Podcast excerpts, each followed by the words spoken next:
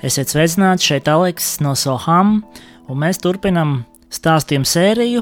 Šoreiz jauns izlaidums stāstījumu sērijā Jogas filozofija. Šis būs piektais izlaidums, un šodien mēs parunāsim par košām. Tad kas ir košas? Jeb tavi vai mani vai mūsu, katra pieci atšķirīgi ķermeņi vai apvalki. Nu, tad, eh, vadoties pēc jogas filozofijas, eh, cilvēks sastāv no šiem pieciem ķermeņiem, vai precīzāk būtu teikt, apvalkiem, kur aizsedz mūsu dziļāko būtību, kas ir dvēsele. Jogā šos apvalkus sauc par košām. Nu, koncepcija nav sveša arī mums, tikai mēs esam pieraduši visu skatīt kā vienu veselumu. Nu, varbūt dažreiz mēs atšķiram ķermeni no prāta vai vai ķermeni no dvēseles. Nu, tāpēc mums nesanāk vairāk par diviem vai varbūt trim ķermeņiem. Bet, nu, kā teicu, jogā tad ir pieci šie apvalki. Nu, šim jogas iedalījumam ir liela nozīme eh, mūsu patiesās būtības iepazīšanā. Tā teikt, nu, mums ir jāsaprot, kas lācītim ir vēderā. Vai arī, ja mēs kā metaforu izmantojam lēli matriošku, tad šeit arī līdzīgi, kur katrai lēlē iekšā ir atkal Otra lēle savukārt tā ir atkal nākamā. Nu, un šādā veidā mēs no fiziskā apvalka nonākam līdz pašam centram, nu, jeb dvēselē.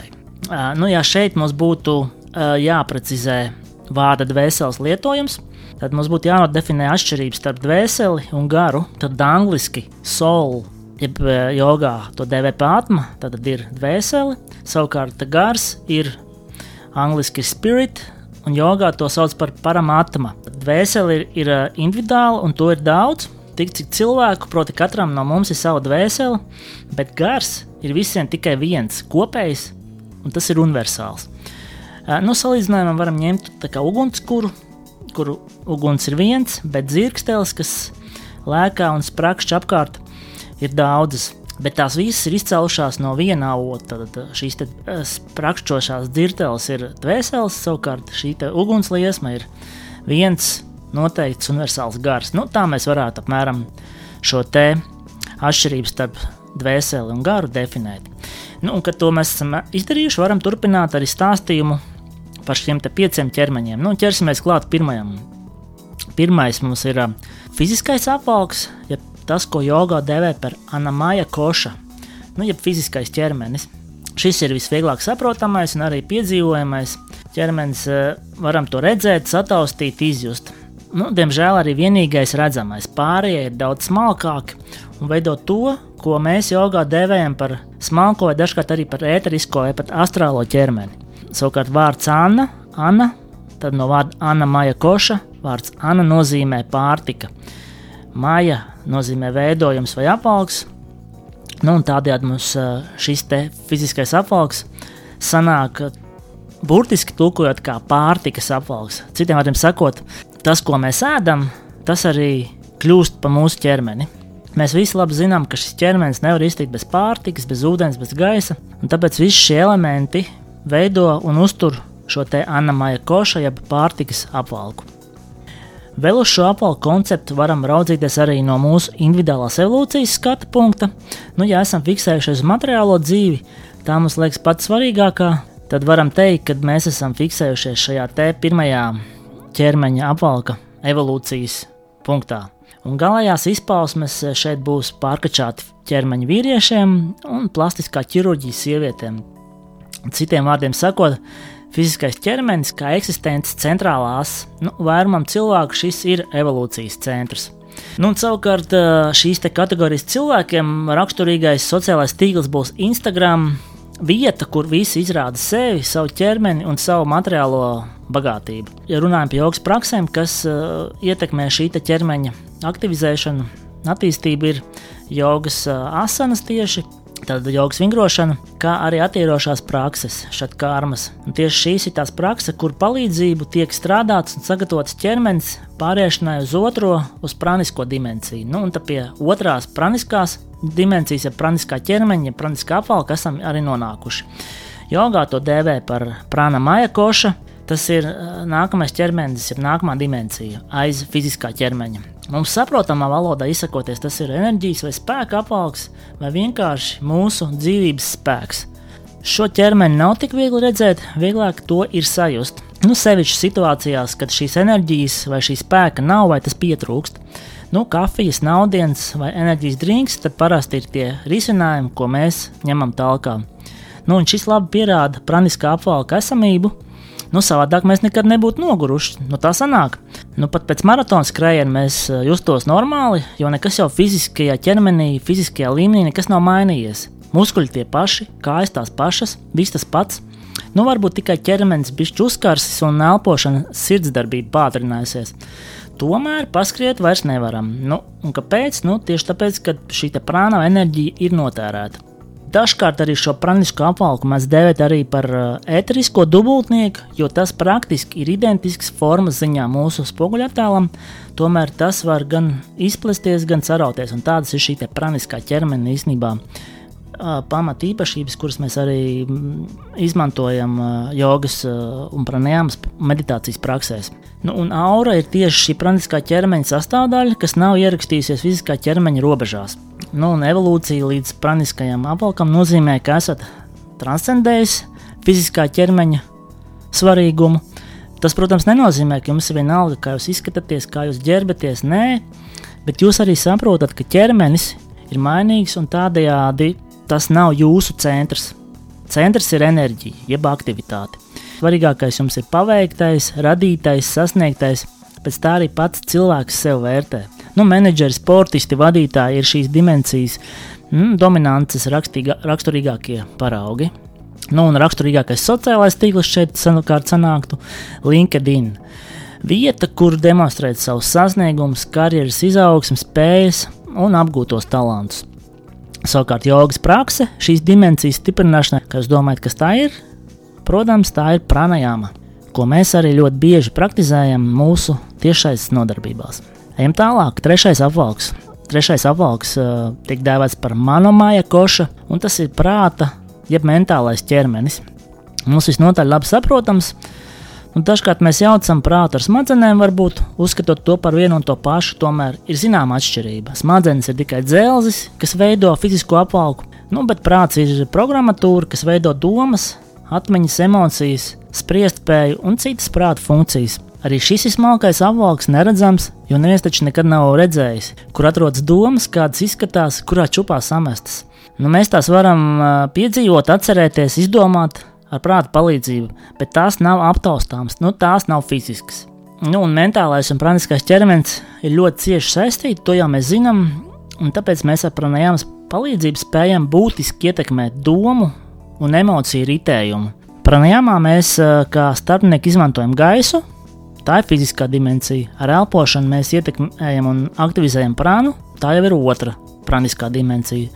Rezultāts ir mierīgs prāts un sabalansētas emocijas, kas jau ir šīs triš, trešās dimensijas kvalitātes, ja trešā ķermeņa, trešā apvalka, mentālā apvalka kvalitātes.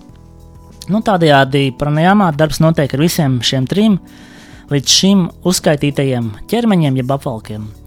Nedaudz avansētākās pranajāmas praksēs ietekmēti tiek arī atlikušie divi ķermeņi, jeb apvalki, par kuriem mēs arī mazliet vēlāk parunāsim. Vēl turpinot par šo mentālo apvalku, cilvēki, kuriem dominē šis mentālais ķermenis, parasti ir intelektuāļi, zinātnieki, literāti, pētnieki. Viņi strādā ar smadzenēm, ar idejām, ar prātu. Nu, kā galēji tāda izpausme šim te būtu jāpiezīmē mītiskais, trakā profesora tēls, kurš ir tik ļoti iedziļinājies savā pētījuma objektā, ka ir aizmirsis uzvilkt kurpes, saķemmēt matus, un viņi pilnīgi neinteresē āršķirība, viņa neinteresē, kā viņš izskatās.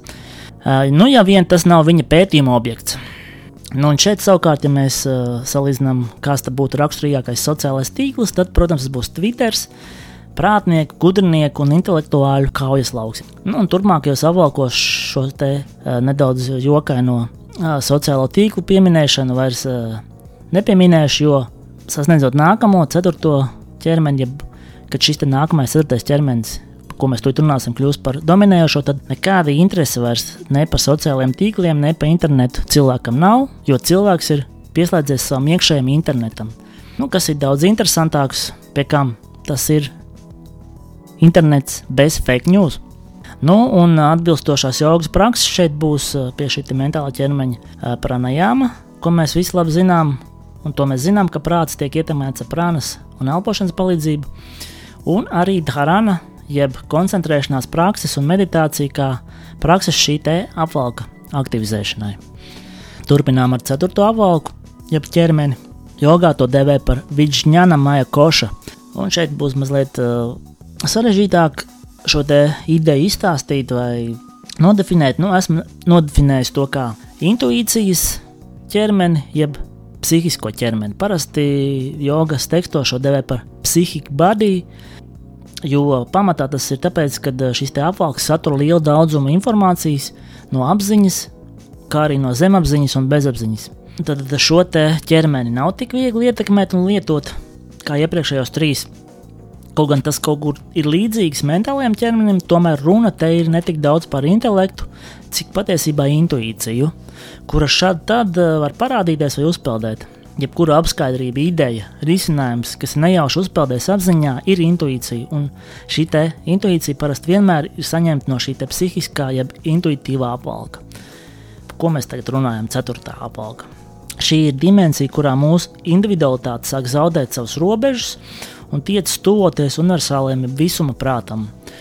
Jogas praktizētāji, kas ir pietuvinājušies šai dimensijai, piedzīvo biežus, dziļas gudrības, intuīcijas un skaidrības brīžus, kas nenāk no ārpuses, no kaut kā lasītā vai dzirdētā, bet nāk no iekšpuses, pat taisno no individuālā gara. Parasti vairumam jogu šis apvalks ir dominējošais, tāpēc mēs arī ar lielu interesi klausāmies viņu stāstītajā, jo viņi zina īsto patiesību gan par pasauli un par lietām, jo šīs zināšanas nenāk no ārpuses, no grāmatām vai no citu cilvēku gudriem stāstījumiem, bet nāk no paša cilvēka pieredzes un insighta. Un, ja mēs runājam par jogas praksēm, kas uh, aktivizē ķermeni, tad mums, mums jārunā par dziļu un ilgstošu meditāciju.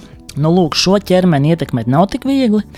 Parasti ir tā, ka, ja mēs puslīdz aktīvi darbojamies gan ar ķermeni, gan ar enerģiju un prātu, jeb ar šiem pirmajiem trīs apvalkiem, tad šis te psihiskais, jeb ceturtais psihiskās gudrības, jeb gudrības vai intuīcijas apvalks aktivizējās pats no sevis. Un tad intuīcija, apskaidrība, gaišsardzības signāli var ik pa laikam parādīties un parādīties arvien biežāk. Tad šis te ceturtais apvalks. Un esam pietuvušies arī pie paša pēdējā, pie piektā, ko jogo dēvē par Ananda Maja Koša.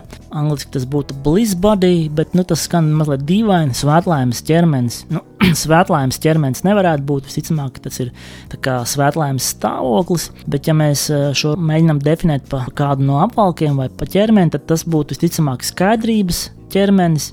Uh, vai Es pat atļaušos uh, ieviest tādu jēdzienu kā gandrīz dvēseles stāvoklis, ne, bet gandrīz dvēseles apvalks. Nu, neskan loģiski, bet idejas, domāju, jūs sapratāt. Tad šis ir pēdējais apvalks, kas nosedz mūsu rupjo būtību no mūsu esības centra, no gara vai precīzāk dvēseles. Un šo dimensiju sasniedzot, praktikants ir nonācis pie jogas galamērķa, pie brīvības un apskaidrības. Visi saprast un visi skaidrs. Pasaulīgā dzīve vairs nespēja nekādā veidā ietekmēt cilvēku iekšējo mieru un skaidrību. Pieskarties šim apvalkam nozīmē piedzīvot to, nu, ko meditācijā dēvē par samadhi. Esat droši vien dzirdējuši. Un tas arī nozīmē, ka pārdzimšanas cikls ir pāraudzis, un cilvēks var izvēlēties brīvi pats vai atgriezties vēl uz šīs planētas, vai arī vairs neatgriezties. Nu, te mēs runājam par ļoti augstiem uh, jogas plauktiem. Nu, un uh, sliktā ziņa ir, ka šis te apaugs nav nekādi ietekmējams, kā un kā, kā un kas vēl svarīgāk, kad tas aktivizējas, nu, aizvien vēl paliek uh, liels noslēpums arī pašiem jogiem. Turpinot atsevišķos jogas tekstos, proti šīvā gamas, ja tie būtu šivu, šivas kā dieva pielūdzēju tantriskie teksti, tiek pieminēts arī sastais apvalks. Un tas, protams, ir nekas cits kā atma māja koša. Tad atma ir mūsu dvēsele, tad uh, nekas cits kā dvēsele. Jo aiz dvēseles vairs nekāda apvalka nav, pati dvēsele arī nav apvalks, bet tā arī nav galējā pietura. Un tikai tad, kad šī individuālā dvēsele saplūst ar universālo garu, tad ir notikusi pēdējā darbība, kas cilvēkam savā evolūcijas ceļā jāšķērso no garīgās, no pasaulīgās dzīves uz garīgo dzīvi. Un tas ir arī katras, katra cilvēka, katras dvēseles uzdevums un iemesls reinkarnācijas aplim. Lai cilvēks šo saprastu un piedzīvotu, joks sasniedzot šo dimensiju, tiek dēvēts par sidā, jeb perfekto radījumu. Tikpat kā Dievs ar spējām piedzīvot visu iespējamo un arī neiespējamo. Nu, visus šos apvalkus kopā satur un enerģijas, enerģijas transference no viena apvalka uz otru, tad no šiem viena apvalka uz otru, runājot par šiem visiem pieciem apvalkiem, šī transference notiek ar prānas starpniecību. Ja? Mēs te varētu runāt tādās analoģijās, tad varētu pieminēt automašīnas ātrumkārbu, kur ir pieci ātrumi. Un, lai pārslēgtu no viena ātruma uz otru, vienmēr ir jāieliek neitrālajā ātrumā. Un šis neitrālais ātrums, tā metaforiski izsakoties, ir prana, jeb praniskais ķermenis. Tā kā vēl jau vairāk saprotam, cik būtiski ir šī pranajāma un darbs ar prānu vispār. Nu, ko tas nozīmē? Tas nozīmē, ka, ja jums pietrūks spēka, tad prana tiek paņemta no mentālā vai praniskā apvalka un nogādāta fiziskiem ķermenim aktivitātes veišanai, vai arī otrādi - fiziskā enerģija tiek konvertēta mentālajā spēkā. Nu, tāpēc mums parasti ir cilvēki, kas vai nu dara fizisku darbu, vai dara arī mentālu darbu. Nu, ir arī vēl trešie cilvēki, kas dara garīgu darbu, bet nu, šo cilvēku skaits ir krietni, krietni mazāks. Jo līdz šim garīgajam, jeb 4. un 5. ķermenim, jeb apvalkam, kā dominējošam, ir vēl jātiek. Nu, lūk, un, kad mūsu garīga attīstība ir aktivizēta, strādājot ar pirmajiem trim ķermeņiem, tad ar, vienkāršot ar ķermeni, ar enerģiju un prātu, aktivizējās šis ceturtais intuīcijas, jeb psihiskais ķermenis, un esam paveikuši būtisku darbu, un mūsu atkarības pieķeršanās materiālajai pasaulē vairs nespēja mūs novērst no mūsu mērķa, piedzīvot harmoniju, laimi un brīvību. Katram no mums dzīvojot pasaulīgo dzīvi, ir iespējas un pat uzdevums vēl vairāk apslēptas dziļas ilgas šo ceļu mērot un nonākt gala punktā. Tikai cilvēkiem ir šī iespēja, nevienai citai dzīvē radībai nav, tikai mums, un to arī mums derētu atcerēties un novērtēt. Jo viss, kas mums ir jādara, ir jāsaglabā veselīgs līdzsvars starp materiālo un garīgo dimensiju. Tas arī viss noslēpums.